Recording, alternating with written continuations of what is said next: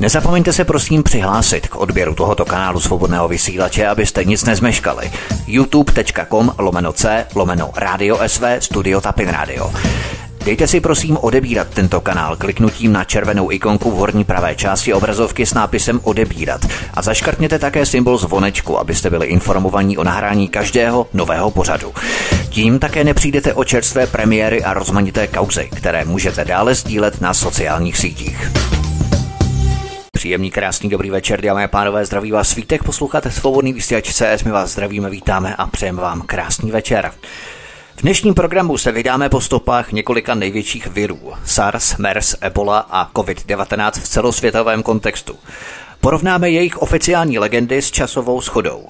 Vypravíme se také do amerických vojenských laboratoří, které zkoumají tzv. bojové viry – Britští a němečtí vědci zjistili, že COVID-19 se nejvíce šířil mezi zářím a prosincem 2019 dlouho před vypuknutím v Číně. Jak je to možné? Proskoumáme americkou vojenskou laboratoř v Osanu, Jižní Koreje, odkud se rozšířila epidemie MERS, stejně jako v africké Sierra Leone, která se stala epicentrem epidemie viru Ebola.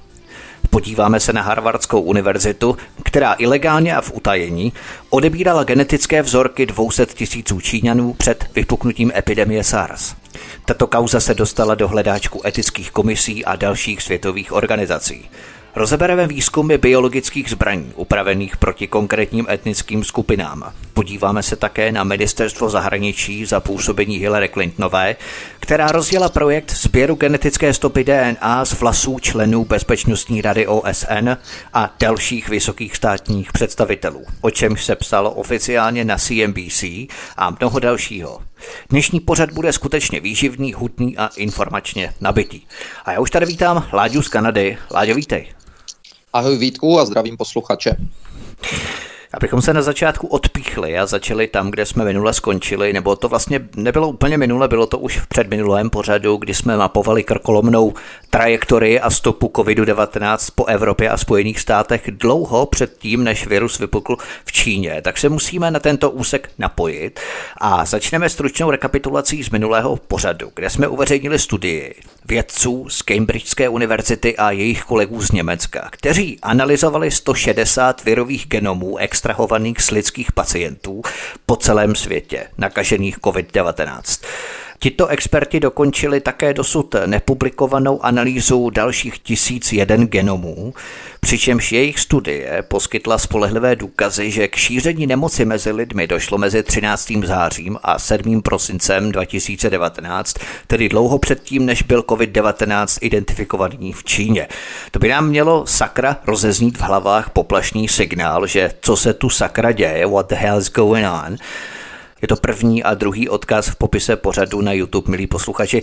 Odpověď je docela těžká. Je možné, že Čína ve světle těch eh, právě nových informací, které si teď zmínil, tak eh, je docela možné, že Čína se snažila zamést stopy, pokud ten virus přišel opravdu z jejich laboratoří a rozšířil se nějakou cestou, ať to, ať, e, jak jsme se bavili posledně, ať cestou přes e, vojenské transporty nebo podobně, e, pokud to bylo z vojenských nějakých laboratoří, rozšířilo se to třeba do Evropy, Eh, těžko říct, ale myslím si, že, myslím si, že tady bude docházet asi k velkému zametání, zametání stop. O co se totiž jedná?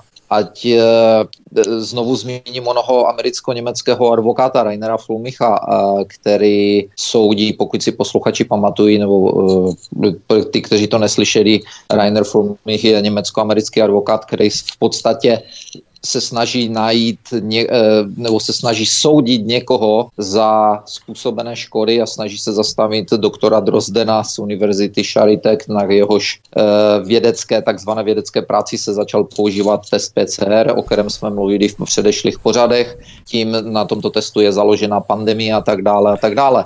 Mimochodem, Takže... jenom především taková vsuvka na té nemocnici Charité v Berlíně v Německu, tak tam byl umístěný i Alexander Navalný mimochodem když byl nakažen tím novičokem. Ano, to bylo přesně v té nemocnici. Já jsem tam také na to koukal a přišlo mi to docela jako zajímavá náhoda. Zrovna taky ta nemocnice. Jo. No tak to jsem teda netušil, ale tady máme velkou červenou vlajku opět jako teda. No tak to je zajímavost.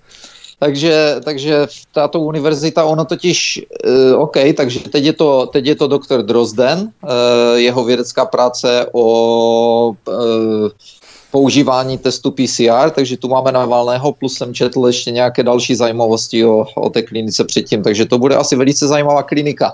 No, nicméně, tento advokát Rainer Fulmiš e, řekl v podstatě v jednom ze svých projevů, že e, ho nezajímá ani tak, odkud virus přišel, zrovna v tomto momentě. V tomto momentě ho zajímá jako advokáta, zastupujícího firmy, které takzvaně chcou vidět, jak by se řeklo v angličtině, se to říká, že chcou vidět krev, jako to znamená, že chcou někoho soudit za svoje ztráty. A, takže říkal, prozatím eh, všechno směřuje na Německo, protože vlastně celá pandemie a tím zavírání ekonomii a tak dále a tak dále je založené na PCR testu, který se nehodí k, těmto, eh, k tomuto testování a který je navíc ještě špatně používán, jak jsme se taky bavili, že jo, hmm. jsou používány vysoké cykly Tudíž celá pandemie je velmi nafouknutá, tudíž za to může doktor Drozden z Univerzity Charité, tudíž za to může Německo, protože on ten, onen advokát zjistil, že v květnu 2019 z nějakého důvodu na zasedání, eh, na ročním zasedání politické strany CDU Merklové se objevil tento doktor Drozden, objevili se tam z Bill Melinda Gates Foundation, objevil se tam Eh, ředitel Světové organizace Tedros eh, a objevili se tam další zvláštní lidi, což je zcela nepochopitelné, proč by se tito lidé měli v květnu 2019 objevovat na zasedání politické strany CDU. Tudíž tento advokát řekl jednu zásadní věc v tomto okamžiku e, všichni advokáti světoví, kteří by chtěli soudit někoho za škody, tak by měli soudit v podstatě Německo. E, takže Německo v tomto okamžiku by mělo být placené za reparace, e, souzené za reparace. A právě tam zmínil v jednom z rozhovorů, že Německo vlastně před pár lety teprve doplatilo reparace za druhou světovou válku. Že jo? Nám ne, Ta... možná někomu ano, ale nám ne. No, těm, těm, kteří se hlásili. Ano. Takže jsem se, mě hned napadlo, takže mají peníze, takže můžou začít platit zase, že jo.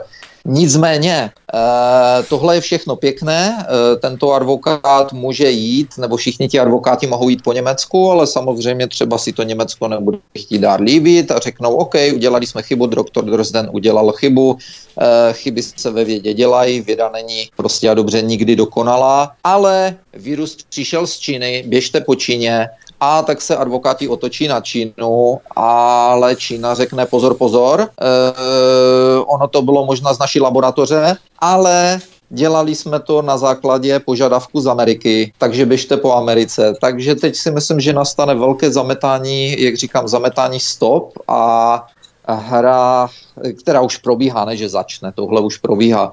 Tohle je, já si myslím, že tohle přímo, o tom se bavíme, tohle to sledujeme. E, takže začínají ukazovat jeden na druhého. Viděli jsme to, že prezident Trump jednoznačně trval na tom, že to je čínský virus, přišel z Číny, přišel z Číny a hotovo a držel vedle sebe Fauciho, který, jak se ukazuje, má v tom také prsty ve velkém. Eh, v onom, v onom víru a o něch studiích tohoto, tohoto víra. Takže a to, že britští Němeci, němečtí věci zjistili, že COVID-19 nepochází z Číny, mohli to zjistit první tam, mohlo, eh, jak říkám, může zajít, může docházet k zametání stop z Číny, může Čína tlačit, aby nebylo e, nic směrováno jejich směrem, žádné, žádné stopy, žádné vyšetřování, těžko říct. Nevím, to se mi trošku přitažené za vlasy. Já si myslím, že to byl opravdu nezávislý výzkum, že tady odhalujeme právě něco, co může být pro budoucnost a pro blízkou budoucnost velmi zajímavé. Ale eh, když eh, jsme právě u toho viru COVID-19, pojďme se podívat na dva další viry, které jsou příbuzné formám koronaviru, a to je SARS a MERS. SARS a MERS jsou tedy příbuzné formy koronaviru. Můžete si o tom přečíst více na Wikipedii ve třetím odkaze v odkazovém aparátu v popise pořadu na YouTube. Zaměřme se nejprve na epidemii MERS z roku 2015. Oficiální legenda praví, že MERS se přirozeně rozšířila ve středním východě od toho MERS, co by Middle East Respiratory Syndrome. Jo. Ovšem, neoficiální odhalení uvádí, že ten původ nákazy MERS pochází z laboratoře biologických zbraní Jupiter na americké letecké základně v jeho korejském Osanu.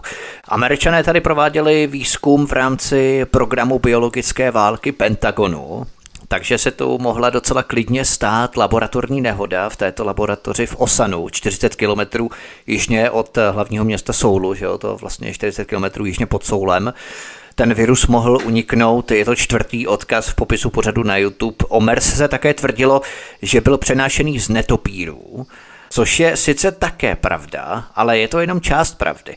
MERS se rozšířil do lidské populace díky tomu, že američané během druhé vojenské invaze do Iráku používali speciální bomby ke zničení tunelových systémů a jeskyní. Byly to bomby GPU-28 Bunker Buster. A to byly bomby s ochuzeným uranem a tím, jak byli ti netopíři vystavení malému radiačnímu záření, mohlo zvýšit virulenci toho viru a ti netopíři logicky hledali útočiště ve městech místo přírody, protože v městech ty tunely a jeskyně samozřejmě nebyly. A tohle smísení s lidskou populací vedlo k pravděpodobnější nákaze. Tady je opravdu vidíme, když se rozkýve, rozkymácí ten přírodní ekosystém, řekli bychom, dojde k vychýlení té rovnováhy, tak to může mít takovéto důsledky, kdy vlastně netopíři, kteří se volně pohybují mimo město, že mimo ty zastavené aglomerace, tak najednou se smísí vlastně s tou populací. Navíc podle posledních dokumentů vychází najevo, že tyto tyto viry pocházející z jeskyní zaujaly americkou CDC. Co jsem se dočetl a co jsem se doslechl, bylo to, že CDC má po světě eh, velké eh, spoustu týmů, které jsou během několika hodin nebo dnů uh-huh. schopny se dostat na místa různých vypuknutí různých nemocí nebo infekcí a tak dále a tak dále. A údajně se CDC a měl u toho být přímo osobně i Fauci, začali prohrabávat v různých jeskyních, eh, kde byly nalezeny tyto, tyto víry a začali, začali si brát vzorky a začali si dovážet do Ameriky vzorky, a vzorky takzvaných koronavírů které, na které se začali dívat a začali je takzvaně, začali přemýšlet nad tím, jak by je takzvaně zušlechťovat. Takže e, vypadá to, že onen původ našeho COVID-19 teoreticky, technicky může být opravdu z jeskyně a z, a z netopíru. To je velmi zajímavé. To potvrzuje opravdu jednu z těch teorií. Ale mimochodem globální monitorování pandemie MERS, když jsme tady u té MERS, protože to je příbuzná s tím koronavirem, že všechno to jsou koronaviry, ten monitoring prováděla jak jinak Světová zdravotnická organizace WHO, která také sponzoruje Mezinárodní vakcinační institut se sídlem v jeho korejském soulu. A hlavním vědeckým pracovníkem a výkonným ředitelem tohoto Mezinárodního vakcinačního institutu IVI je důstojník amerického letectva vyslaný do americké armády, plukovník Jerome Kim. A tento plukovník Jerome Kim je bývalým vedoucím oddělení molekulární biologie a patogeneze na Armádním institutu pro výzkum Waltera Reeda v Rockville v Marylandu. A v Marylandu samozřejmě sídlí známá armádní laboratoř ve Fort Detrick, to víme. A mimochodem další věc, ve vědeckém poradním výboru tohoto Mezinárodního vakcinačního institutu IVI v Jižní Koreje, v Soulu, sponzorovaného VHO a tak dále, je doktor Claudio Lanata, vědecký ředitel US Naval Medical Research Unit 6, lékařského výzkumu amerického námořnictva ve městě Calao v Peru, což je přední vojenské středisko pro vývoj biowarfare, čili biologických zbraní, biowarfare, takže když eh, opravdu zkoumáme ty vazby na Jižní Koreu, tak se nám ty nitky tady podezřele zbíhají. A když MERS porovnáme s COVID-19, Všiml jsi si, jak jedno z prvních ohnisek COVID-19 vypuklo také v Jižní Koreje ve stejném čase jako v Číně a klíčem k tomu může být ona americká biologická laboratoř v jeho korejském Osanu, protože MERS a COVID-19, jak jsme si řekli, obě měly největší ohnisko právě v Jižní Koreje. Jo, to byla jedna z těch zemí, Jižní Korea. V Jižní Koreji byl, dá se říct, byl, vypukl také, měli velké problémy s oním COVID-19, že jo, všichni jsme to viděli ale opět se dostáváme tady k otázce o něch laboratořích. V předešlých dílech našich rozhovorů jsme se zmiňovali o tom, že Spojené státy zaměstnávají okolo 22 tisíc vědců po všech laboratořích po celém světě. Zmiňovali jsme se i o tom, že mají laboratoře v zemích jako například Ukrajina, teď, kdy, kde byly problémy, kdy si lidé v okolí těch laboratoří začali stěžovat, že se začínají, začínají trpět záhadnými nemocemi. Mají laboratoře, výzkumné laboratoře biologické, biologických zbraní v zemích, jako je Afghánistán, jako je Pákistán z nějakého důvodu což eh, člověk by se mohl pozastavit nad tím malý moment, proč mají američané výzkumné laboratoře v těchto zemích, kde, kde vlastně bojují s teroristy, nemají tam nic pod kontrolou, říkají, že tam nemají nic pod kontrolou, z jakého důvodu tam mají laboratoře na výzkum biologických zbraní, kdy nějaký Taliban tam může hodit e, nějaký granát nebo můžou tu laboratoř převzít, že jo? můžou na tu laboratoř zautočit a e, problémy na světě.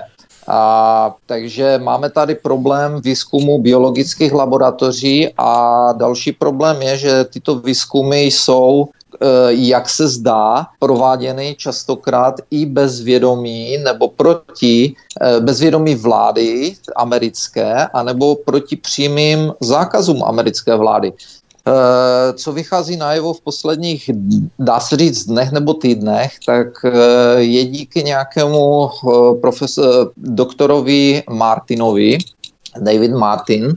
A tento člověk má být údajně jeden z největších odborníků na patenty v Americe. A ten začal před nějakou dobou upozorňovat na to, že jsou nesrovnalosti, co se v tom, co se týče patentu CDC na výzkum koronaviru, o tom jsme měli taky naše minulé pořady, Eh, kdy jsme se bavili o tom, že CDC má v podstatě monopol na výzkum, eh, výzkum koronaviru, to znamená výzkum léku, eh, čehokoliv, výzkum testovacích zařízení, vývoj testovacích zařízení, cokoliv, co se týká koronaviru, CDC má v Americe na to patent.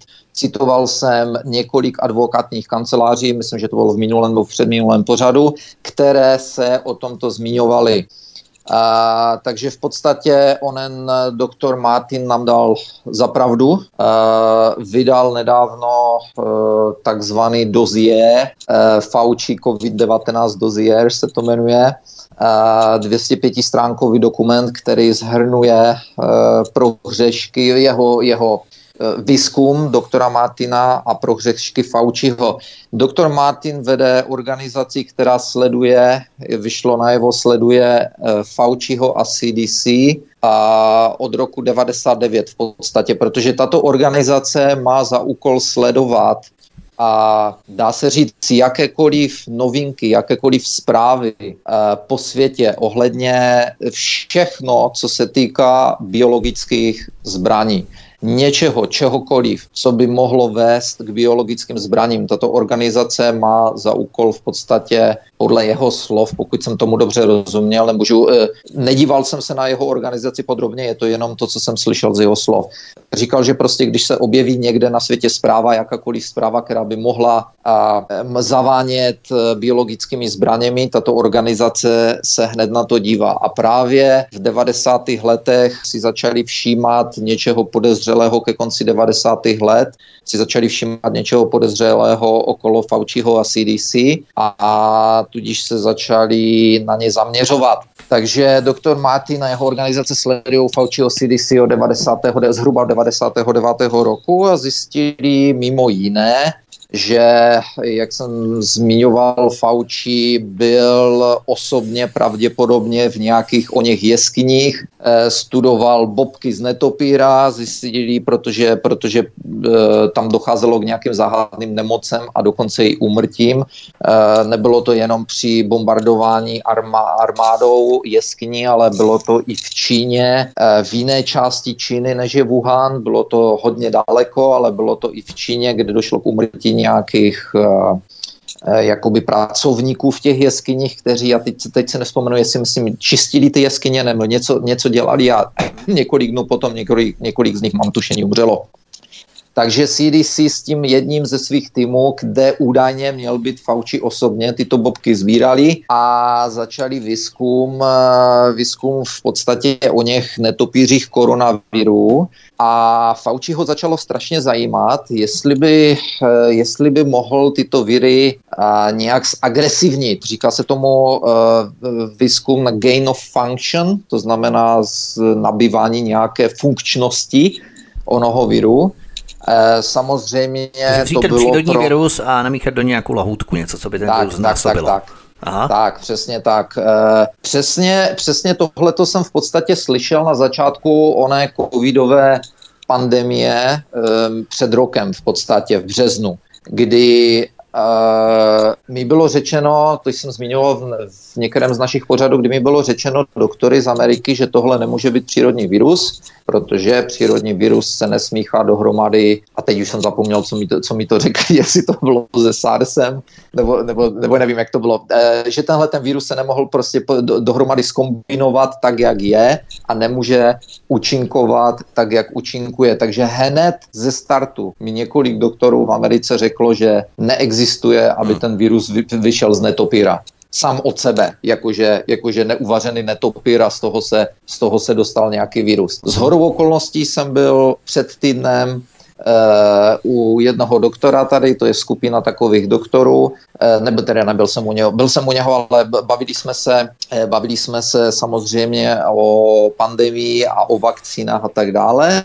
A on mi řekl jednu zajímavou věc. Uh, on říká, hele, tady tyhle ty jako další vlny, uh, on říká, tohle není žádná, tohle není žádná přirozená, tohle není žádný přirozený virus. On říká, přirozený virus uh, chci, se chcípne takzvaně, nebo se, se reformuje, nebo se zžije s námi během několika týdnů nebo několika měsíců. On říká, tohle to není přirozené. On říká, já si myslím, že dříve nebo později vyjde najevo, že to, že to bylo někde z laboratoře, že to někde fouklo. To mi řekl, to mi řekl v podstatě ve stejný čas, kdy jsem narazil tady na toho doktora Martina, že a taktéž mi řekl, že ten virus, eh, že vidí případy mezi doktory, eh, samozřejmě sledují, předávají si informace o pacientech a říkal mi, že vidí případy, kdy prostě manžel to dostane, manželka to nedostane, eh, v kancelářích to jeden pracovník dostane, zbytek je úplně v pohodě a tak dále, takže on mi říká, ta infekčnost je záhadná, vypadá to, že to není infekční tak, jako třeba klasická chřipka, ale vybírá si to, vybírá si to prostě specifické eh, lidí, dá se říct které to napadá. Eh, a říká, chřipka napadá všechny věkové kategorie, tohle to vypadá, že napadá jenom starší, říká, tohle není, tohle není přirozený virus. Takže doktor Martin uh, tedy zjistil, že Fauci se začal zajímat, jak udělat tohoto víra více agresivním. A doktor Fauci na tomto pracoval udatně, eh, dostával veliké, veliké granty. Eh, on a jeho National Institute of Health a National Institute of eh, alergických nemocí, Národní institut alergických nemocí, dostávali na to velké granty, dostávali na to velké peníze až do zhruba roku 2014, kdy prezident Obama, Obama tomuto učinil přítrž. To to trvalo, detaily. protože on do funkce vstoupil v roce 2008, takže mu 6 let trvalo, než to zastavil a tak měl hrozně práce, než se k tomu dostal. Musíš řídit země koulí, ono to není jenom... No, jenom je to finanční krize bankéřů, který si sám nominoval ministry a tak dále. Přebrat hned cenu. Na, nezapomeň, že musel hned přebrat Nobelovku na začátku, není času jo, na nějaké víry. To je pravda. A takže v roce 2014 mu to Obama zatrhl takzvaně a prostě dobře zakázal, vys, specificky zakázal výzkum těchto gain of function, těchto virů. To znamená toho nabuzování nebo zvyšování agresivnosti těchto vírů. I když samozřejmě celou dobu Fauci a všichni National Institute of Health, všichni, kdo v tom byli za, e, zainteresováni, tak říkali, že toto je čistě pro obrané účely. Ono je všechno pro obrané účely, že jo. Amerika nemá, Amerika má uh, department, uh, teda Uh, Department of Defense, uh, oddělení obrany. Amerika nemá oddělení útoku. Amerika totiž nikdy neútočí, oni si vždycky brání. A takže, eh, takže Fauci tvrdil, že tohle všichni, a všichni ostatní, že tohle je v zájmu Ameriky, v zájmu obrany, nicméně mu to nepomohlo a prostě dobře mu to bylo zakázáno. Ale co udělal Fauci? Místo, aby zrušil výzkum, tak začali zakládat různé další uh, kor, eh, firmy jakoby, nebo korporace, přes které přesunul výzkum této gain of function, těchto koronavirů, eh, do jiných laboratoří mimo Spojené státy. Prozatím se teda ví konkrétně o Wuhanu. A začal tam přesunovat, začal tam přesunovat peníze, ty svoje granty, které dostával na, na výzkumy, tak začal přesunovat peníze tam. Doktor Martin eh, zjistil přesné částky, datumy, jména a veškeré další věci eh, podle toho, co říkal, takže vše je v podstatě teďka, eh, teď zdokumentováno a eh, tudíž v tomto případě, a to je to, co jsem říkal na začátku, když jsme se bavili o těch britských a německých vědcích, v tomto případě, v tomto momentě to vypadá, že Wuhan je v tom takzvaně až pouší. Mohla to být samozřejmě uh, laboratoř v Jižní Koreji, možná, uh, jak říkám, o Wuhanu víme, prozatím víme o Wuhanu teďka. A jak víme, situace na výrovišti se mění každou minutu, takže co, co říkáme teď, už za týden nemusí být pravda, možná, že se přijde na něco dalšího. Situace je takzvaně fluidní, jak je vidět, což jsem potěšen, tak advokáti ze všech zemí a různí výzkumníci a tak dále se do toho zapojili, ale zatím to vypadá, že celý ten, celé to vyšetřování takzvaně, nebo celá ten, celý ten hon zatím, odkud teda ten vír přišel, a kdo za něho může, se začíná, se nám začíná postupně zužovat víc a víc a zužuje se to neustále víc okolo Faučiho, okolo jeho zájmu na e, zluš, zušlechťování útočných virů Teď je otázka, pro koho to dělal. Dělá to, dělá to uh, z toho důvodu, že se chce, uh, že chce být multimiliardářem nebo prvním trilionářem, což se může stát díky vakcíně proti uh, koronaviru. Může se stát, že bude prvním trilionářem, pokud se mu to podaří dobře uhrát. uhrát.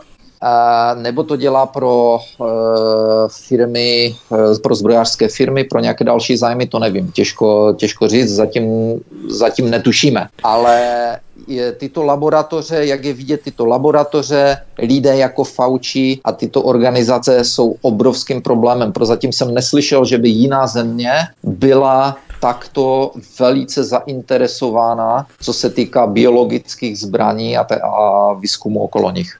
Ty jsi tu zmínil čínskou laboratoř ve Wuhanu Anthony Fauciho, což jsou informace právě od eh, doktora Davida Martina, který poukazuje na Anthony Fauciho v rámci přesunu výzkumu těchto laboratoří a zušlechťování gain of function, nabývání jaksi na agresivitě těch virů, přesouvání z amerických laboratoří přímo do čínského Wuhanu. Jenže další zajímavá věc, která přímo předchází vypuknutí COVID-19, a o tom se už vůbec nemluví, nebo vůbec jsem o tom nezaslechl. Je to pátý odkaz v popise pořadu na YouTube z NBC News mimochodem. Co se stalo? V měsících před COVID-19 a znovu během epidemie potom byla Čína zasažena čtyřmi nevysvětlitelnými virovými epidemiemi za sebou a v tomto případě šlo o zvířecí viry, které zničily většinu hospodářských zvířat a drůbeže v Číně, což samozřejmě Číně způsobilo velké ekonomické, obrovské ekonomické škody. A Čína musela hodně rychle nakoupit velký objem amerických zemědělských výrobků zvířat. Tehdy Donald Trump vyhlásil Číně obchodní válku, si vzpomínáme v roce 2019, jenomže se ukázalo, že neznámé osoby vysílali malé létající drony nad farmami prasat v Číně a infikovali tisíce a tisíce míst, což vedlo k utracení více než 100 milionů čínských prasat. Obrovská kauza, to byla těsně před vypuknutím covidu. Jo? Nepřijde ti zajímavé nejenom, že se tohle stalo těsně před vypuknutím covidu v Číně, ale také to, jak západní média okamžitě a jednomyslně věděla, že to bylo způsobené čínskými gengy a spekulanty s vepřovým masem, opět jednotný mediální narrativ všech klíčových agentur a předních západních médií. To jsou samé náhody, že? Teď jsem právě chtěl říct, ale ty jsi to do, do, eh, dodal, že to bylo všechno házeno na organizovaný zločin, že organizovaný zločin chtěl manipulovat, eh, manipulovat ceny masa a tak dále, přitlačit, eh, přitlačit výrobce k nižším výkupům různým cenám a podobně, což těžko říct, eh, možné je všechno, ale je to, je to takové eh, zahrnuto do celkové situace a do té osy časové je to velice, velice zvláštní jako všechny ostatní věci, všechny ostatní náhody, které jsme jmenovali v našich minulých pořadech, včetně, včetně o něch cvičení, že ano. Takže je to, je to velice, velice uh, prazvláštní. Hned určitě spoustu uh, posluchačů napadne a co takové to uh, předešlé různé ptačí chřipky a různé další jiné námi už uh, zapomenuté pandemie, které vznikly zase třeba v jiných částech, že měli jsme tam třeba i Ziku virus. Byly tohle testovací balonky, nebo to byly úniky z laboratoří některých zase amerických v některých jiných částech zemí. O co, o co se tam jednalo? Zika virus ten, eh, ten utichl velice rychle, dá mhm. se říct. A už, se, už po něm takzvaně neštěkl ani pes. Žádné vyšetřování nebylo. Mi to připadalo, že to začínalo, uh, že to začínalo utichat uh, velice rychle poté, co začaly kolovat informace na internetu, že Rockefellerova myslím, že to byla Rockefellerova nadace, že si patentovala Ziku, že já nevím v kterých rocech výzkum Ziky a tak dále, takže mi to připomíná to samé, co CDC udělala z ony koronaviry, že?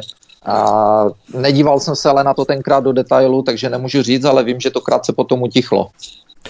To jsou zajímavé věci právě s těmi viry, eh, s těmi starými viry. K jednomu z nich se právě teď vypravíme. Podívejme se zpět do roku 2003.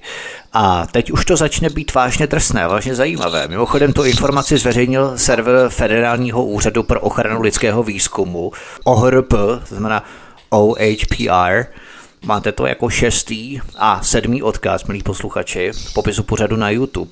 Harvardská univerzita v projektu financovaném americkou armádou v utajení schromažďovala genetické vzorky DNA od více než 200 tisíc čínských farmářů a dělníků ve 12 genetických projektech. No a potom ty vzorky, odebrané vzorky DNA, tajně vyvezla ze země.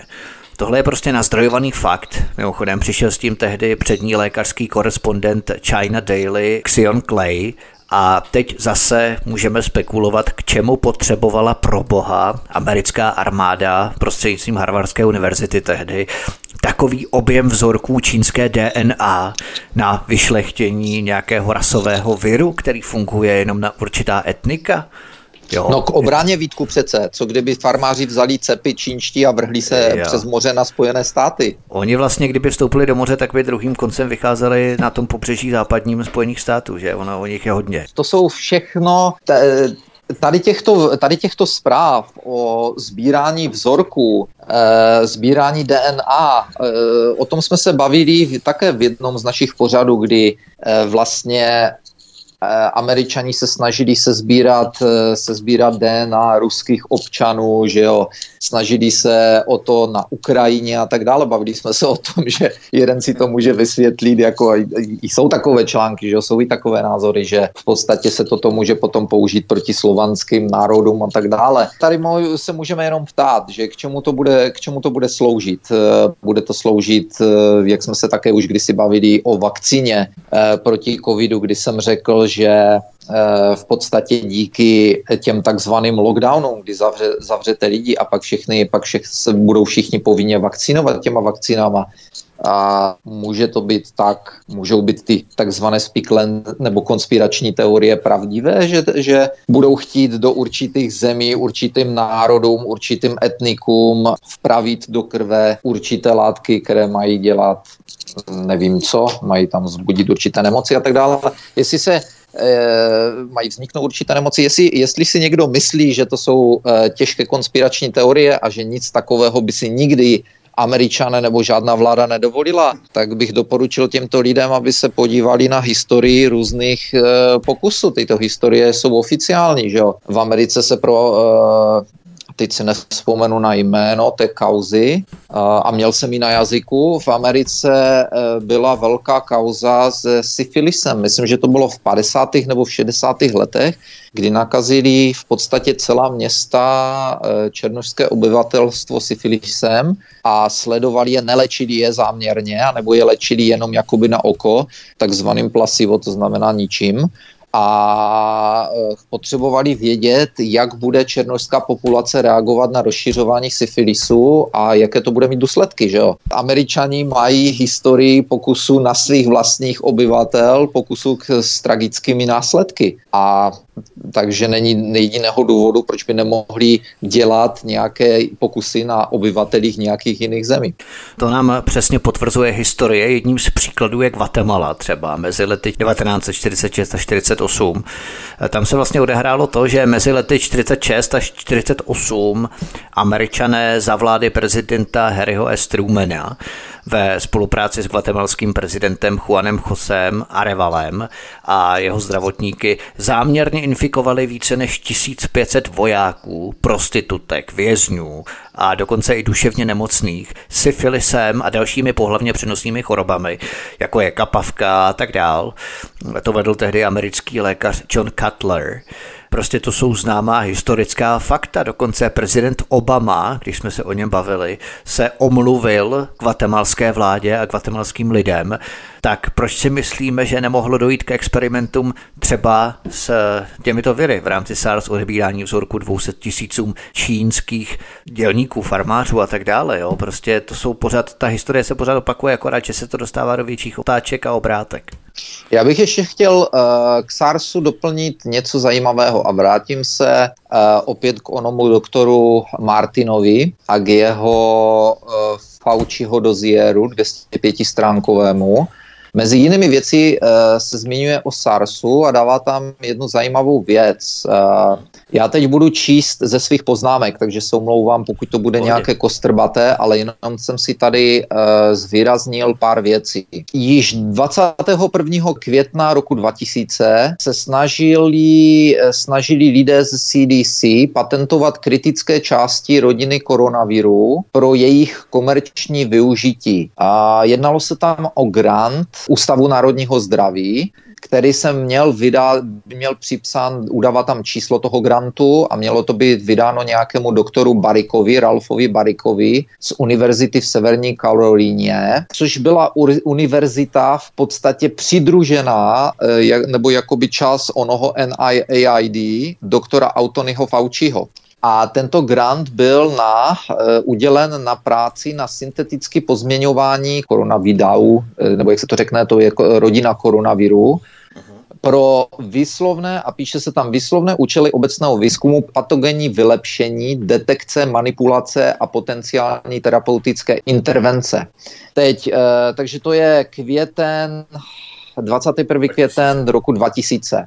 Hmm. Dále tady píše, 19. dubna 2002, tedy rok před vy, oficiálním vypuknutím SARSu v Asii, podali doktoři Curtis, uh, a Ralph Berrick, tady tento Berrick, přihlášku k patentu USA a číslo, číslo, číslo na výzkum určitého koronaviru. A teď tady popisuje, popisuje další čísla dalších patentů, jejich práci a pak má poznámku napsanou. Stručně řečeno, americké ministerstvo zdravotnictví a sociálních služeb se podílelo na financování zesílení infekční povahy koronaviru mezi eh, rokem 92 až 2002, tedy několik let předtím, než byl vůbec SARS u lidí poprvé detekován. A co tento doktor David řekl, je, že v podstatě toto všechno nasvědčuje tomu, že tyto jakoby SARS, tyto viry, byly pravděpodobně už v držení těchto institutů, těchto laboratoří a těchto této univerzity a tak dále, hmm. Dávno předtím, než došlo takzvané pandemii. A než vůbec se poprvé slyšelo, eh, než, do, než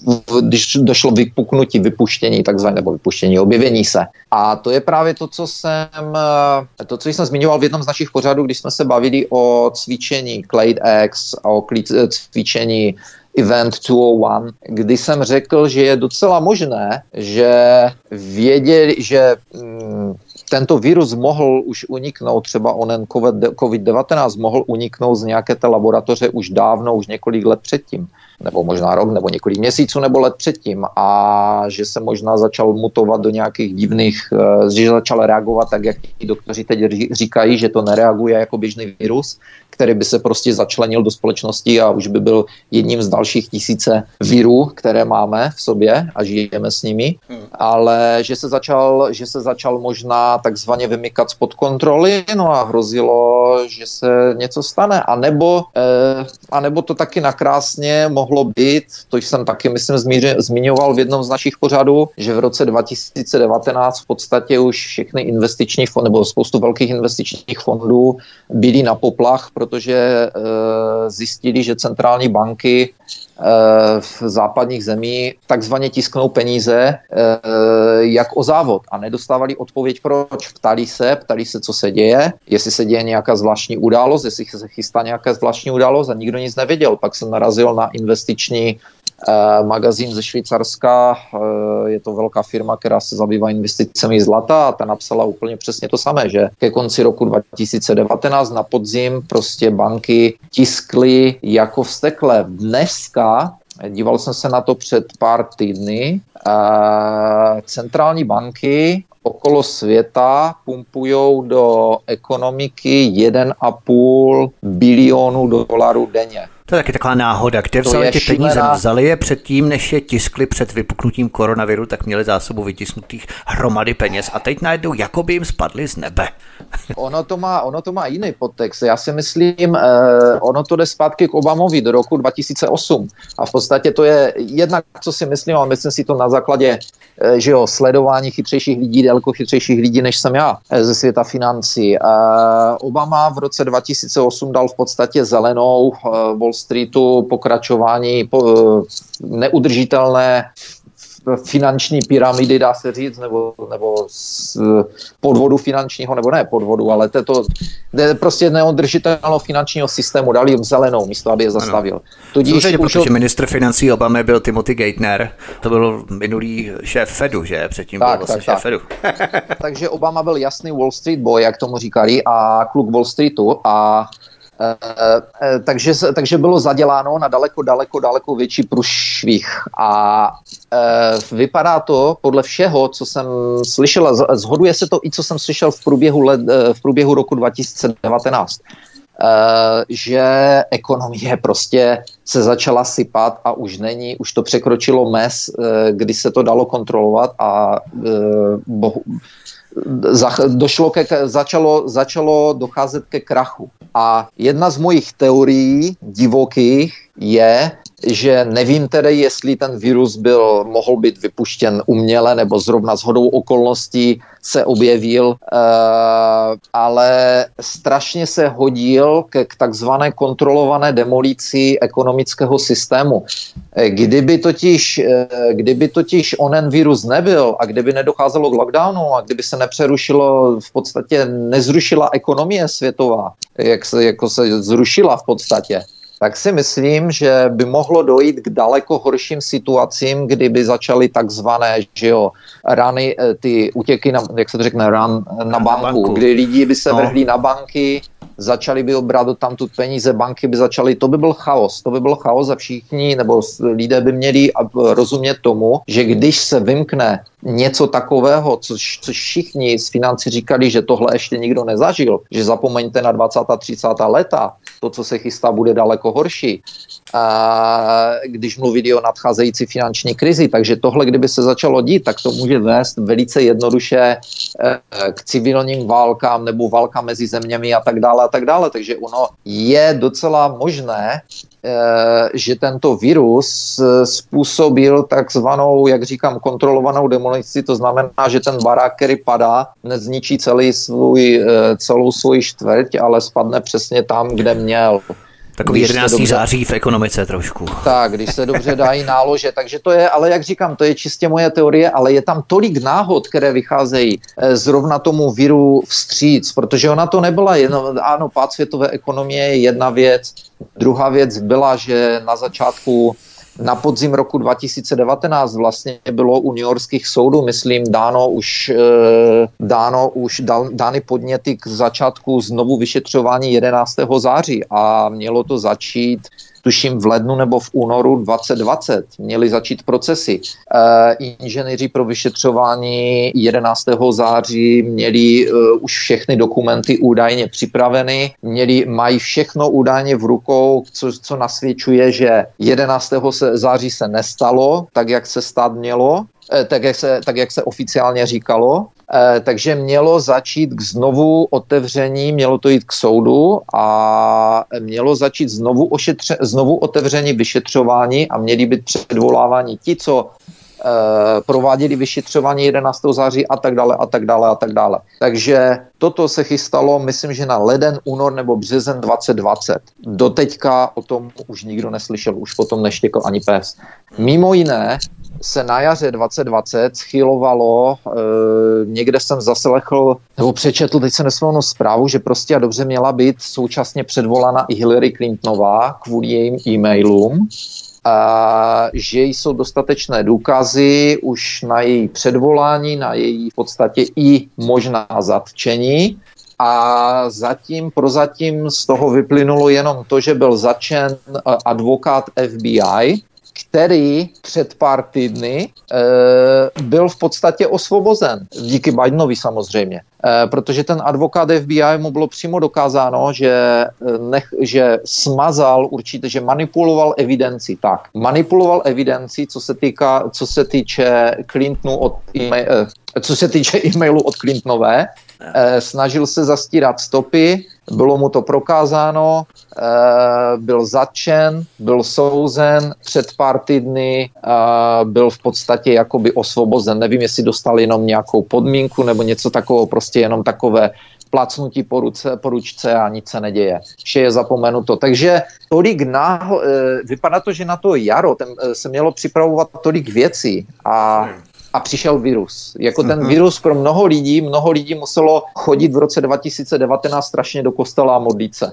Může to být všechno náhoda, já důkazy pro to nemáme a nakonec asi mít nebudeme, protože, jak jsem také již zmínil, podívejme se na vraždu Kennedyho, kterou měl eh, slavný Donald Trump odtajnit a neodtajnil vůbec nic. Materiály, které vyšly ven, byly, byly přes eh, všechny proškrtány eh, černě a Kennedy byl zastřelen v kterém to roce 63. Takže z jakého důvodu, proč proč od roku 63 jsou pořád zatajované nějaké věci. Ti, kteří by ho teoreticky měli zastřelit, asi každému může být jasné, že žádný slavný osval to nebyl. Takže ti, kteří mohli něco tenkrát udělat, tak jim muselo být nejméně 20 nebo 30, 30 eh, let tenkrát. Takže teď už si na nich asi nikdo nic neveme. Proč se dělají takové tajnosti? Nedělají se takové tajnosti kvůli tomu, že zatím nebyly určité individuále, že zatím byly organizace, nebyly zatím náhodou organizace, které zmiňoval v RIS Committee vyšetřování nějaký Norman Dad, o kterém jsme se bavili také, který v podstatě přišel na to, že Rockefellerova, eh, Carnegieho, Fordova a ostatní nadace stály v podstatě za rozpoutáním prvé a potažmo tím padem i druhé světové války. A nebyly náhodou tyto organizace i za třeba vraždou, vraždou Kennedyho. Tyto organizace vidíme do dneška. E, motají se teďka do nového resetu. Rockefellerova organizace je velice, velice mm-hmm aktivní v novém, v novém, v onom Great Reset, v tom velkém resetu, že jo. Bavili jsme se o tom, kdy Rockefellerova nadace pořádala onlineové fórum, onlineové, kdy tam byla Madla Albrightová, byla tam Nancy Pelosi, byl tam prezident Světové banky Kim, který mimo jiné řekl, že nový a ještě agresivnější virus už je na světě. Šup, podívejme se, a byla podívejme se na to, to je náhoda. Tak Kim to ví, že jo? Ne, Kim to ví. No.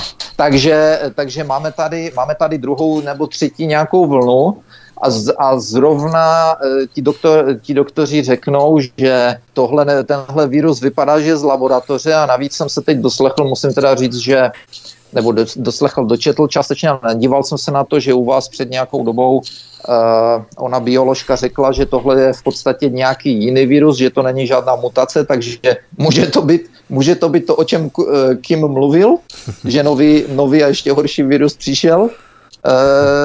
Tady vydal, nemám to před sebou, ale někdo, myslím, že ze Světové, světové uh, zdravotnické organizace prohlásil, že už je okolo 4000 mutací a že je strašně zvědavý, jak na to budou dělat vakcíny. Oni si to nějak ošéfují, aby z toho měli co největší vejvar. Ale ty si tady hovořil právě o viru SARS, o oficiálním vypuknutí viru SARS v Ázii v roce 2002. Mimochodem v těchto letech vypukla také v Číně epidemie SARS, která se potom rozšířila do 32 dalších zemí a je velmi zajímavé, že tato nemoc SARS vypukla v Číně ale žádní američané touto nemocí SARS nakažení nebyli. Na to se ptá třeba čínský autor Hu Shuli. V tom článku je to jako osmý odkaz eh, v popise pořadu na YouTube. Tak je možné, a teď znovu spekuluji, že SARS mohl být uměle vyšlechtěný tak, aby na něj američané byli imunní, protože už americká vláda, americká armáda měla dostatek genetického materiálu DNA z toho nelegálního výzkumu, který prováděla Harvardská univerzita roky před vypuknutím epidemie SARS Zní to sice hrůzostrašně, ale poměrně logicky, když opět samozřejmě fabulace tady, jo, ale nesebýváme se tím pouze my, ale i čínští reportéři. Jak je vidět, ten čínský reportér, jo. Jenomže když se zakutáme ještě více do hlubin internetu, tak zjistíme, že se už od roku 2000 prováděly výzkumy na použití genetických zbraní zaměřených na konkrétní etnické skupiny. To je opravdu něco šíleného. Máte to, milí posluchači, jako devátý odkaz v pasáži v této kapitole v rámci popisu pořadu na YouTube. Já ocituju pasáž. Projekt lidského genomu může nyní otevřít dveře k vývoji a použití genetických zbraní zaměřených na konkrétní etnické skupiny. Tento projekt je v současné době prováděný pod záštitou amerického ministerstva pro energetiku, které také dohlíží na americký arzenál jaderných zbraní. Pokračuju dál v citaci. V říjnu 1997 varoval doktor Wayne Nettenson, vedoucí oddělení vědy a etiky lékařské společnosti ve Velké Británii, že genovou terapii je možné proměnit v genové zbraně, které by mohly být potenciálně použité k zacílení na konkrétní geny vlastněné určitými skupinami lidí. Doktor Netensen varoval, že tyto zbraně mohou být dodávané nejenom ve formách, které už byly viděné ve válčení, jako je plyn, aerosol a tak dále, ale mohou být také přidané do zásob vody, což v cílových skupinách způsobí nejenom smrt, ale i sterilitu třeba, vrozené vady, on tady popisuje a tak dále. Konec té citace. To nám dává nahlédnout, že ti dobytkové jsou už schopní, protože tohle je výrok z roku 1997, renovované kapacity, renovovaného doktora světového. Teď už jsme přes 20 let dál tak oni jsou opravdu schopní do vody vpravit látky, které mohou způsobit sterilitu nebo vrozené vady nějaké. To je naprosto děsivé vlastně, co oni tady potvrzují. To jsou věci, o kterých my pořád spekulujeme, jo, ale tady to máme opravdu potvrzené černé na bílém. Tady vidíme, že už se o tomto mluví dlouhou dobu. Já jsem, když mluvíš o té vodě, tak jsem si vzpomněl, že mám kamaráda ze Švýcarska a když jsme se bavili e, o jejich vojenské prezenční službě, tak e, mi popisoval, jak teda je e, dělá, jak je organizovaná obrana švýcarská a tak dále a tak dále. No a nakonec mi říkal, no ale nakonec stejně se nemůžeš bránit dlouhou dobu proti napadení a říká, e, taktika, taktika obrany proti napadení ze sousedních zemí byla už dávno udělána tak, že e, s ohledem na to, že e, spoustu řek, vodních toků a tudíž vodních zdrojů začíná ve Švýcarsku a byly vždycky připravené zbraně biologické, různé otravy vodou a tak dále, které by byly vypuštěny v případě útoku do těch vod. Takže to mě, tohle měli přeskoumá, vyskoumáno už dávno. Vlastně taky spoustu řek, které začíná v České republice. Vltava, jo, Labe. Takže do Německa tak, to můžeme poslat hezky. Tak, když, nám budou, když vám tam budou posílat dvojí kvality potravin nadále, tak jo. je třeba jim tam způsobit trochu průjem. A nebo uh, když budou chtít Benešové dekrety zrušit. Tak. tak. A uh, tady psali zrovna v tom, uh, když si citoval ten článek, tak tam psali třeba také o roku 70, kdy nějaký, nějaká publikace Military Review mluvila, nebo psala, napsala článek o etnických zbraních. Ano, takže tam třeba zkoumali azijskou populaci, nebo jihoazijskou, to jsou Indové, oni říkají South Asian, říkají Indum třeba, jo. jo, jo. Takže zkoumali jeho azijskou populaci, to může, nebo to můžou být, já nevím, myslím, že Pakistance za to podporu, eh, tam eh, pod to řadí také, takže zjistili, že mají například špatnou toleranci lactose intolerance, to je myslím Mléce, na mléko, ano, alergie na mléko, na mléčné výrobky a tak dále, takže to působí něco v jejich uh, systému, zažívacím a tak dále a tak dále a je, že takovéto zbraně by mohly eh, zneužít těchto výzkumů, těchto genetických výzkumů a buď z, eh, ne, znepojíznit takzvaně, anebo vyzabíjet celou populaci, že jo? takže když bude třeba někam zautočit na nějakou armádu, tak jim tam udělají hromadný průjem a a všichni budou sedět na latrinách a zatímco vítězná vojska vkráčí dovnitř a podají jim to letní papír a, a hotovo za, za, za to, že se vzdají. A, takže to, a v podstatě s tímhletím už zači, začínali nacisté, že jo, nacisté v rámci operace Paperclip dovezli, dovezli do tak, Ameriky e, nacisty, kteří se zabývali takovými to výzkumy taky, že jo, takže, takže Amerika měla po druhé světové válce velké znalosti, jednak co se týká raketových systémů a tak dále, že V1, že a tak dále, takže ti lidé byli tady. Já si myslím, a nevím, jestli jsem to říkal, ale jednou, jsem, jednou jsme tady stáli v parku, eh, sledovali, jsme, sledovali jsme tam orly a tak dále a stojí vedle takový dědula, no a tak jsme se dali do řeči, že? A nevím už, jak na to přišlo, on říkal, že bydlel na východě spoustu let, na ve, ve, myšleno východní Kanadu a začal mi vykládat o tom, že je nějaký inženýr, myslím, že byl letecký, a za druhé světové války jako kluk, e, že něco dělal a prostě po druhé světové válce, že zůstal u armády a začal se zabývat vědeckým e, leteckým výzkumem nebo něčím takovým na nějaké velké základně na východě Kanady, už jsem zapomněl, kde to bylo. Ale jedna věc, co mi utkila v paměti, byla, že mi řekl, že měli super inženýry, uh, že to byli Němci a řekl mi, tam si jasně viděl, že to byli vojáci. On mi říká, i když, i když nikdo z nich to nikdy neřekl nebo nepřiznal, nebo naše vedení to nikdy nepřiznalo, ale říkal, oni všichni ti civilní inženýři, kteří tam byli, tak říká, když jsme přišli do jídelny, eh, tak oni seděli vždycky sami u stolu, oni se nikdy s nikým dohromady nedávali a říkal a mohl si jasně vidět, kdo z nich byl důstojník. Kde byli znovu v civilu, všichni v civilu, bylo to civilní, i když dělali teda na základně, ale bylo to všechno civilní, byli civilně oblečení a on říkal, tam si jasně viděl, když přišel určitý člověk z té skupiny, tak všichni najednou vystřelili, jako vstali u stolu, když přišel ke stolu a pak si nebo když vstával a tak dále říká, takže tam, tam bylo úplně jasně vidět, který byl vysoký oficír nějakého Luftwaffe nebo Wehrmachtu nebo, nebo kdo, ví, kdo ví, odkud byli, jo, takže tohle to, tohle to už jsem slyšel víckrát, tady tyhle ty příhody, že? Eh, takže všichni tito lidé byli dopraveni do Ameriky, takže Amerika měla velký eh, náskok ve výzkumu všech těchto věcí, jak biologických zbraní, tak všech ostatních systémů. To je velmi zajímavé, protože 15. listopadu 1998 London Times uvedl, že Izrael tvrdil, že úspěšně vyvinul geneticky specifickou etnickou kulku, zaměřenou na Araby. Když byl mluvčí izraelské vlády požádaný, aby potvrdil existenci těch etnických zbraní, tak on nepopřel, že je mají, ale prohlásil, máme koš plný vážných překvapení, která nebudeme váhat použít, pokud budeme mít pocit, že stát Izrael je ve vážném ohrožení. Tak kdo ví, jestli tyto geneticky selektivní zbraně, kůlky třeba, mají k dispozici kůlka, která funguje jenom na určité etnikum a stejně tak to může fungovat na Číňany, protože podle dalšího článku je to desátý odkaz v popise pořadu na YouTube.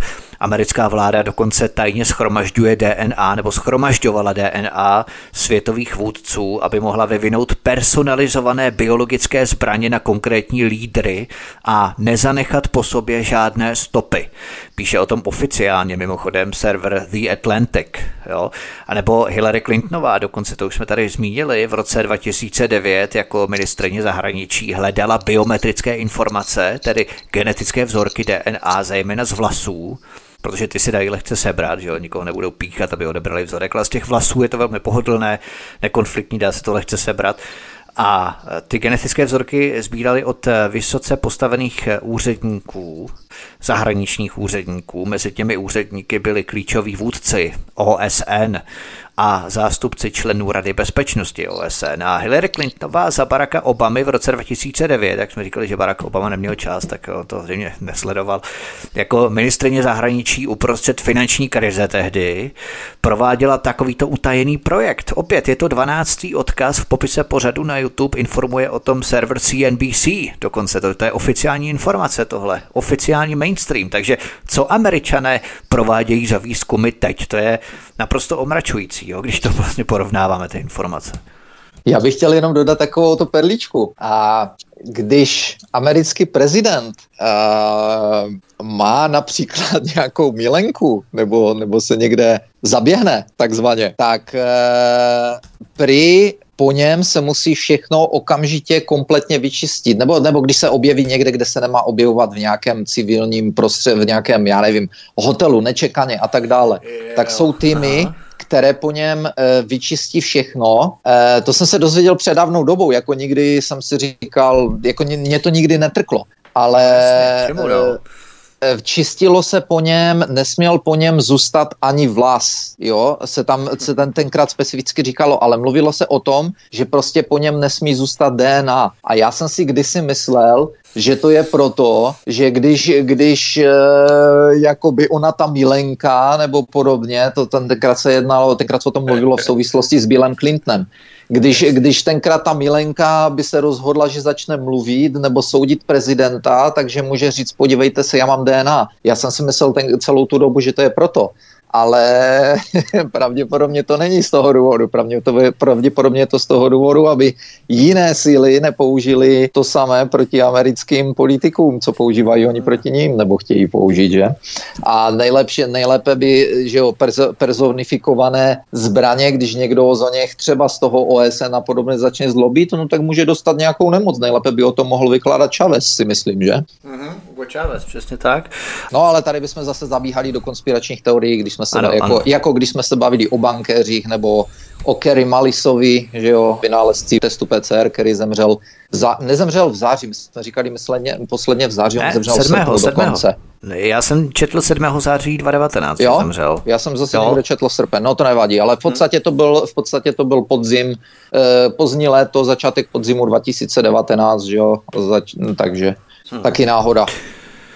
A když jsme u těch náhod, tak eh, dále se podíváme třeba na epidemii eboli, protože jsme na začátku slíbili, že se podíváme nejenom na věry příbuzné koronavirům nebo koronavirus kmene koronavirů, jako je SARS, MERS, a COVID-19, ale podívejme se na ebolu, která vypukla před nějakou dobou v Africe, je to 12. odkaz v popise pořadu na YouTube. Doktor Cyril Broderick Liberijský vědec a bývalý profesor rostlinné patologie na Vysoké škole zemědělství a lesnictví v Liberii, tak on říká, že za vypuknutím eboli v západní Africe je zodpovědný západ, zejména Spojené státy. Co doktora Cyrila Broderika vede k takovýmto odvážným závěrům, je to, že doktor Cyril Broderik tvrdí, že americké ministerstvo obrany poskytlo smlouvu v hodnotě 140 milionů dolarů kanadské farmaceutické společnosti Tecmira na provedení výzkumu eboli. No a tato výzkumná práce zahrnovala injekci a infuzi smrtícího viru ebola zdravým lidem. Jenže tato smlouva začala platit v lednu 2014, krátce před vyhlášením epidemie eboli v západní Africe v březnu 2014, tedy o dva měsíce později. A američané kromě toho mají biologickou výzkumnou laboratoř ve městě Kenema v Sierra Leone a právě tohle město bylo epicentrem vypuknutí eboli. Eh, myslíš, že zase náhody, jo? Myslíš, že tyto eh, poměrně silné indicie mohou potvrdit slova liberijského doktora Cyrila Broderika, že byly prováděné pokusy na lidech infikováním Afričanů virem Ebola na základě té smlouvy s kanadskou farmaceutickou společností, protože ti američané mají tu laboratoř v Sierra Leone stejně jako v tom jeho korejském Osanu, právě proto to zmiňuju. Zase laboratoř, zase americká laboratoř. Kde pak konspirační teorie, kdyby to jinak řekli na CNN přece, kdyby to byla pravda. To je pravda. Tohle je úplně, úplně jasný další příklad e, těchto věcí. Přesně jak si řekl Jižní Korea a tak dále, kde e, tak jak jsem mluvil o laboratořích na Ukrajině, kdy na Ukrajině, tam já jsem o tom viděl dokumentární film, kdy lidi tam začali protestovat v podstatě, že se tam začínají objevovat nějaké záhadné nemoci, že jo. E, v New Yorku byl e, známý takzvaný Plum Island, e, nebo Švestkový, Švestkový ostrov, nebo něco podobného, který byl oficiálně, oficiálně ostro, oficiální laboratoří na výzkum. Mám tušení, že to bylo nějakých zvířecích, něco pro zvířata, veterinární výzkum nebo podobně, ale mluvilo se to dlouho léta, v 70. myslím letech se mluvilo o tom, že tam prostě dělají biologické zbraně a v okolí, v okolí se kolikrát vyskytly nějaké záhadné nemoci, eh, byly tam ty takzvané outbreaky různých nemocí zrovna tam, jo. že? ale nikdy, nikdy se nic nepotvrdilo, byly to eh, takzvaně se nikdy nic nepotvrdilo, vždycky to byly konspirační teorie a tam se od tam tu nemohlo nic stát a možná, že to uteklo, že tam studovali nějaké prase a tak možná, že se dobře, ale tam nic vážného není a žádné biologické zbraně se tam nedělají. Zapomeňte. Takže... A vždycky to bylo právě v tom městě, ve kterém se potom konal ten outbreak, ten to vypuknutí dané epidemie. Mimochodem, ta biologická výzkumná laboratoř, kterou američané provozují v Sierra Leone, zkoumá takzvaný bioterorismus proti virové hemoragické horečce. Jedná se o zbraně, které jsou strategicky navržené jako biologické zbraně tak si musíme opravdu položit otázku, proč je vždycky to ohnisko epidemie nějakého viru kolem nějaké americké výzkumné laboratoře, jak v Osamu, v Jižní Koreje, to byl ten MERS, že v roce 2015, tak ve městě Kenema v Sierra Leone Ebola. A mimochodem ještě ve městě Calao v Peru, v Jižní Americe, která, jestli jsi si všiml, tak eh, peruánská vláda tvrdě vystoupila proti světové covidové hysterii, obvinila světové vlády z nafukování covidové pandemie, tak uvidíme, jestli v Peru třeba vypukne nějaká další nová covidová mutace, podobně jako ve Velké Británii třeba. Američané tam mají taky svou laboratoř. Vůbec bych se tomu nedivil. Absolutně bych se tomu nedivil. A ještě k té, eh, k té bole a k té Liberii Sierra Leone, takže tak vlastně profesor, profesor Francis Boyle, to je ten člověk, který se zabývá zákony o biologických zbraních, že jo, biologické mm-hmm. válce, tak ten řekl, že americké vládní agentury mají dlouhou historii e, takzvaných de, de, eh, obraných biologických válečných výzkumů eh, v laboratořích, jako jsou li, li, v Liberii a Sierra Leone, Sierra Leone. A tyto eh, americké agentury mezi ně zařadil hlavně CDC, přímo CDC, takže hmm tady, tady máme a ptal se tam tenkrát, ptal se, proč Obama posílá do Liberie vojáky, eh, když eh, během eboli, když vojáci nemají žádný trénink jako v provádění nějakých eh, do, lékařský, lékařské pomoci a tak dále, proč, proč zrovna posílá Obama vojáky tam, jako jo, takže to jsou všechno velké zajímavosti, spoustu otázek a žádné odpovědi. Přesně tak, to jsou velmi znepokojící otázky, které by si právě měl klást především mainstream pro boha. Mainstream mlčí, my si tady můžeme honit triko, my tady máme ty odkazy, všechno je to nazdrojované, máte to v odkazovém aparátu v rámci popisu pořadu na YouTube, můžete si to přečíst, rozklikat. Eh, Francis Boyle, ten vlastně vypracoval prováděcí zákon Spojených států k úmluvě o biologických zbraních. Tady totiž existovala úmluva o biologických zbraní z roku 1972, kterou americký kongres ratifikoval, schválil až v roce 89 a Francis Boyle v rozhovoru pro ruský RIA Novosti potvrdil právě to, že došlo k přelévání právě finančních prostředků do Sierra Leone ze Spojených států. Mimochodem, pamatujete si, milí posluchači, jak jsme na začátku ledna s Láďou probírali ta pandemická štábní cvičení Univerzity Johna Hopkinse, sponzorované nadací Billa a Melindy Gatesových a Světového ekonomického fóra. To bylo cvičení nejenom Event 201, to bylo v říjnu 2019, ale CLADEX, Pandemic Exercise, to bylo v květnu 2018. Tak, další střípek do mozaiky. To první pandemické cvičení s názvem Claydex Pandemic Exercise proběhlo v květnu 2018, jak jsem zmínil, a v tomtež měsíci v květnu 2018, co jsme také brali, byl na místo šéfa Světové zdravotnické organizace dosazený Tedros Ghebreyesus s vazbami na Anthony Fauciho. To je taky docela zajímavá zkušenost ve světle toho, co si vlastně o Anthony Fauci zmínil, který měsíc před dosazením do té funkce šéfa VHO přednášel spolu s Billem Gatesem na Pekingské univerzitě v Číně. To všechno víme, jo. to jsme probrali minule v našich minulých pořadech. Ale proč o tom hovořím? Přesně v tom též měsíci v květnu 2018 eh, tehdejší poradce pro národní bezpečnost John Bolton propustil kompletně celý globální tým pro národní bezpečnost. To je mimochodem skupina, která je odpovědná za vedení reakce Spojených států v případě smrtící pandemie. Jo. A John Bolton kompletně rozpustil tento globální tým pro národní bezpečnost v tom samém měsíci, kdy proběhlo první štábní cvičení Claydex a kdy Anthony Fauci podepisoval memorandum s novým šéfem VHO, Světové zdravotnické organizace, Tedrosem Gerbreyesem o lokalizaci ohnisek, epidemických hrozeb a tak dále. Je to 14. odkaz v popisu pořadu na YouTube, server Washington Post mimochodem. To je skoro až cílená demontáž páteřní skupiny, která je odpovědná za reakci na pandemii. Zajímavý, opravdu zajímavý střípek do mozaiky, že se všechno odehrávalo vlastně v tom tež měsíci, že v květnu 2018 on vlastně rozpustil ten globální tým.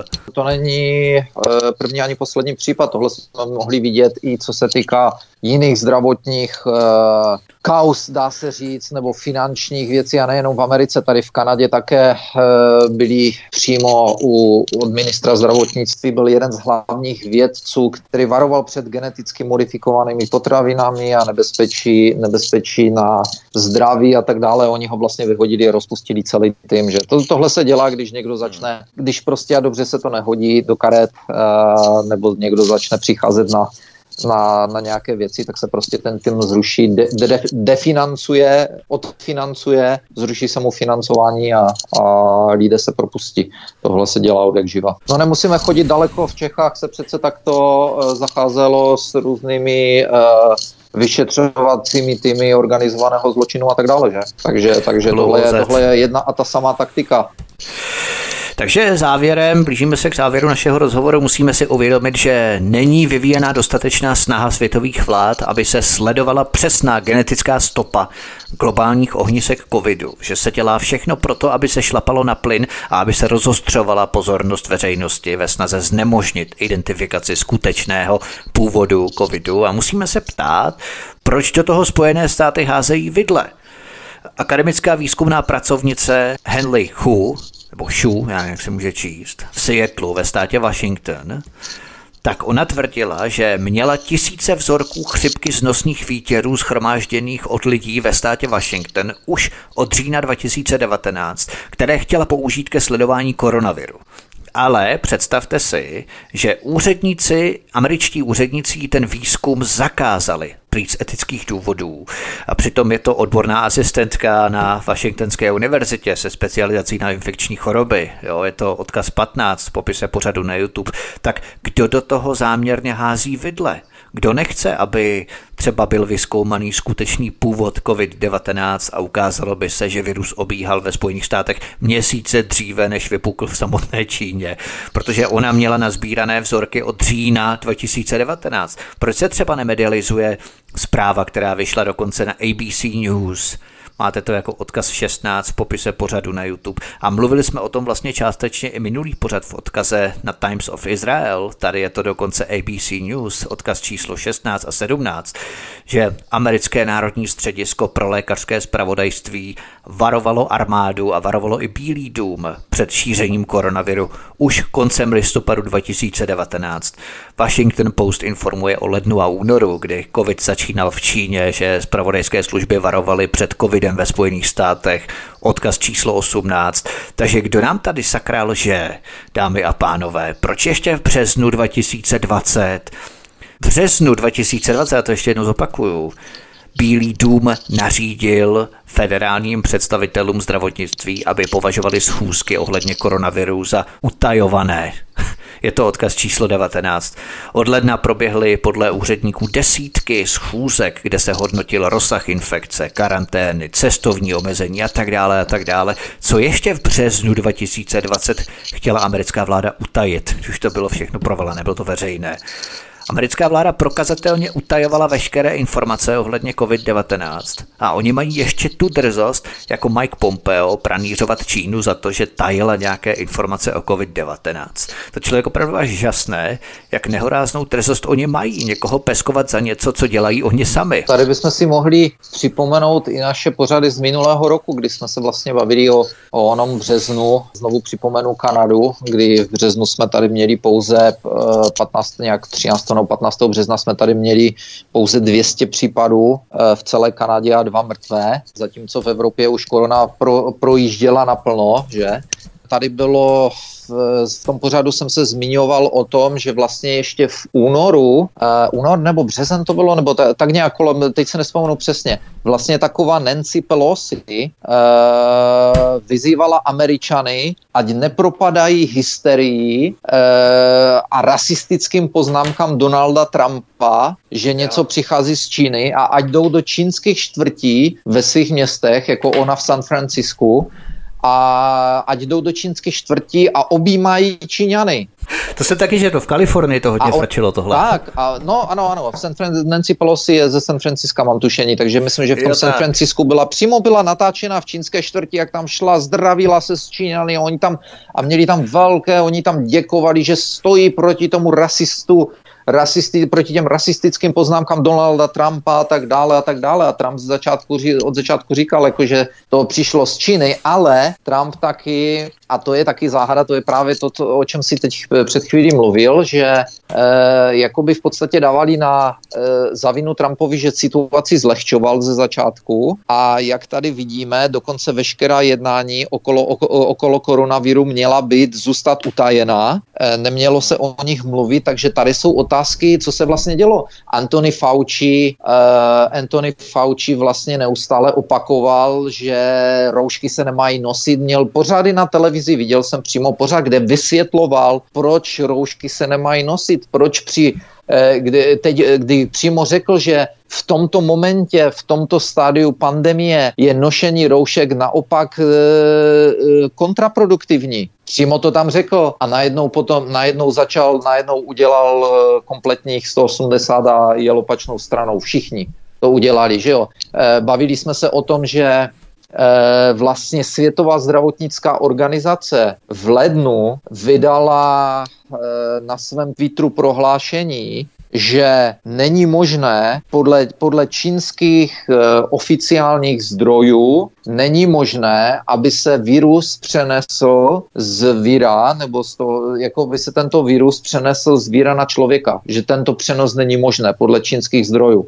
A já jsem tenkrát říkal, e, v tom jednom z našich pořadů jsem říkal, že, v tu, že jsem se na to díval a říkal jsem si, o čem to mluví.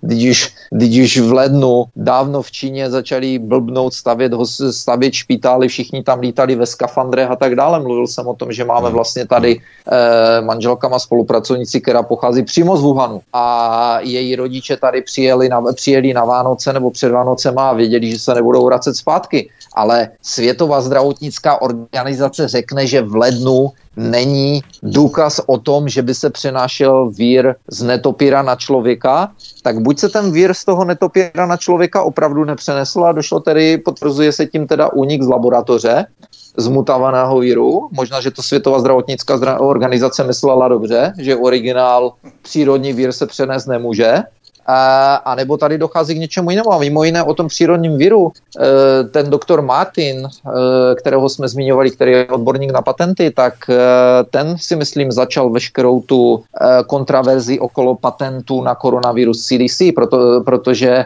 říkal, že je třeba si vyjasnit ze CDC jednu věc, z jakého důvodu drží všechny ty patenty na koronaviry, protože jestli, jestliže patentovali, se snažili patentovat koronavirus přírodní, tak v tom případě udělali ilegální věc, protože přírodní virus nemůžeš patentovat, říkal.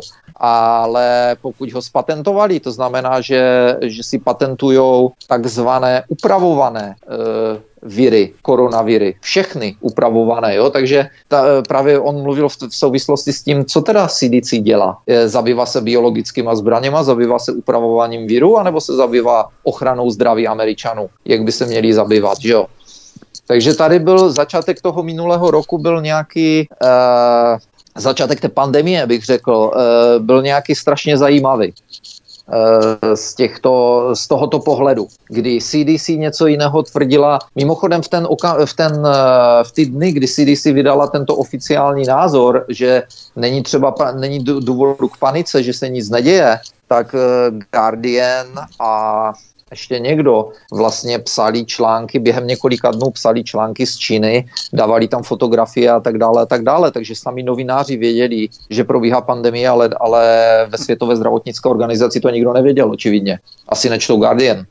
Takže, takže tady se, tohle jsou všechno takové zajímavé věci. Proč Trump to zjedno, zlehčoval ze začátku a přitom tady vidíme, že vlastně bylo ale od začátku nařízeno, že veškeré jednání, veškeré tyto eh, cokoliv, co se děje okolo toho víru, musí být pod přísným utajením a, ta, a tak dále, a tak dále. Co se tedy dělo v tu dobu? Co se děje dneska? Že jo? To jsou hodně velké náhody. Říkám, my nemáme odpověď, my tady čerpáme pouze z veřejně dostupných zdrojů, ale jsou to otázky, které by si měl klást mainstream a měl by tvrdě hnát k odpovědnosti ty osoby, které jsou v tom angažované, zainteresované a požádat po nich jasnou odpověď, protože jinak se z toho nevyhrabeme a jinak bude pořád probíhat v podstatě vlna za vlnou, vakcíny za vakcínou. Na každou mutaci budou vyvíjet vakcínu. Mutace přijde rok po vyvinutí té poslední vakcíny, ale to nevadí. Budou nás píchat tou vakcínou, která byla vyvinutá před rokem a tak dále. Takže pořád to pojede podle toho stejného scénáře, zaběhaného scénáře, který oni potřebují. Tak, sami, jak jsme už kolikrát říkali, sami, sami vám řeknou, co mají za lubem takzvaně, takže tady e, vám už dneska všem říkají, všichni říkají, že už nic se nevrátí do normálu, že vakcíny nebudou pomáhat, že budou třeba další vakcíny, že jo, teď jsem, e, zmínil jsem před chvílí toho člověka z Světové zdravotnické organizace, organizace, který řekl, že je zvědavý, jak budou dělat vakcíny na 4000 mutací, které jsou zatím známé a tak dále a tak dále. Takže tady, tady je tady je něco silně, silně v nepořádku a zvláště, když vědci a doktoři, když jsme se bavili o tom, proč by všichni tito vědci a doktoři promlouvali, že jo, tak e, spoustu vědců, kdokoliv cokoliv řekne proti koronaviru nebo proti těm oficiálním opatřením nebo proti oficiálnímu narrativu, tak je okamžitě zmizen, takzvaně zmizen. Prostě není na Facebooku, není na Twitteru, není na YouTube, není na LinkedIn, není nikde. Google blokuje odkazy na něho dnes, nesčetněkrát už jsem se přesvědčil o tom, že když jsem něco hledal na Google, tak jsem nenašel vůbec jejich stránky těch lidí. Když jsem šel přes Store, tak, tak mi vyskočily stránky při, při vložení jejich jména, mi vyskočily jejich stránky okamžitě, takže tady je jasná manipulace Google, ale tak to není nic nového, o tom už mluvil i a teď se nespomenu na jeho jméno, eh, insider Google, engineer, který, před, který minulý rok vlastně, vlastně vyšel na veřejnost a řekl, že, že Google manipuloval, přímo manipuloval, manipuloval volby, snažil se manipulovat volby v roce 2016 americké a výsledky, eh, myšleno manipulování voleb, výsledky hledání, co vyhazoval za výsledky hledání, kdy zjišťovali, kdo z kterého z které IP adresy hledá jaké odkazy, takže se dá určit, jestli je to republika nebo demokrat a co mu tedy, jak mu tedy nastavit algoritmy výsledku vyhledávání, když si něco zadá do Google, aby se mu to, aby se mu to tam ukazovalo. To znamená personifikované vyhledávání na Google u každého člověka podle IP adresy. Takže tento, tento inženýr byl vlastně, bylo mu vyhrožováno, cítil se jako v ohrožení životě, myslím, že ta, života, myslím, že ho Google nechal zavřít, že na něho poslal policajty a, tak dále, a tak dále, že? Takže tady vidíme, proč, když by, když by byly ty teorie pravdivé a když by to mysleli s námi tak dobře, proč takovéto represe, které se dají přivést které se dají přirovnat k fašistickým a komunistickým režimům. Proč? Samozřejmě, ale budou si otvírat hubu pořád na to Rusko. Rusko za všechno může, v Rusku panuje totalita, ale u nás panuje ta nejlepší, nejkrásnější tak. demokracie jako v ráji. Přesně tak. Tak to by bylo všechno pro dnešní pořad. My jsme si pověděli o spoustě zajímavých věcí. Prosíme, klikněte si, milí posluchači, třeba i na kapitoly opatřené časovým razítkem v rámci odkazového aparátu, tak u jednotlivých odkazů a jejich nadpisů máte i časové razítko, které vás nasměruje přímo k té dané konkrétní kapitole, kterou si můžete přehrát, zopakovat a tak dále. Tak já doufám, že jsme vám tak trochu zase otevřeli oči, nasměrovali jsme vás třeba na další odkazy, které si potom můžete rozklikat a můžete si to sami přečíst a sami ověřit všechno to, o čem jsme tady povídali. Láďo, já ti moc děkuju, měj se moc hezky a budu se těšit příště. Taky zdravím posluchače, zatím nashledanou a ahoj Vítku.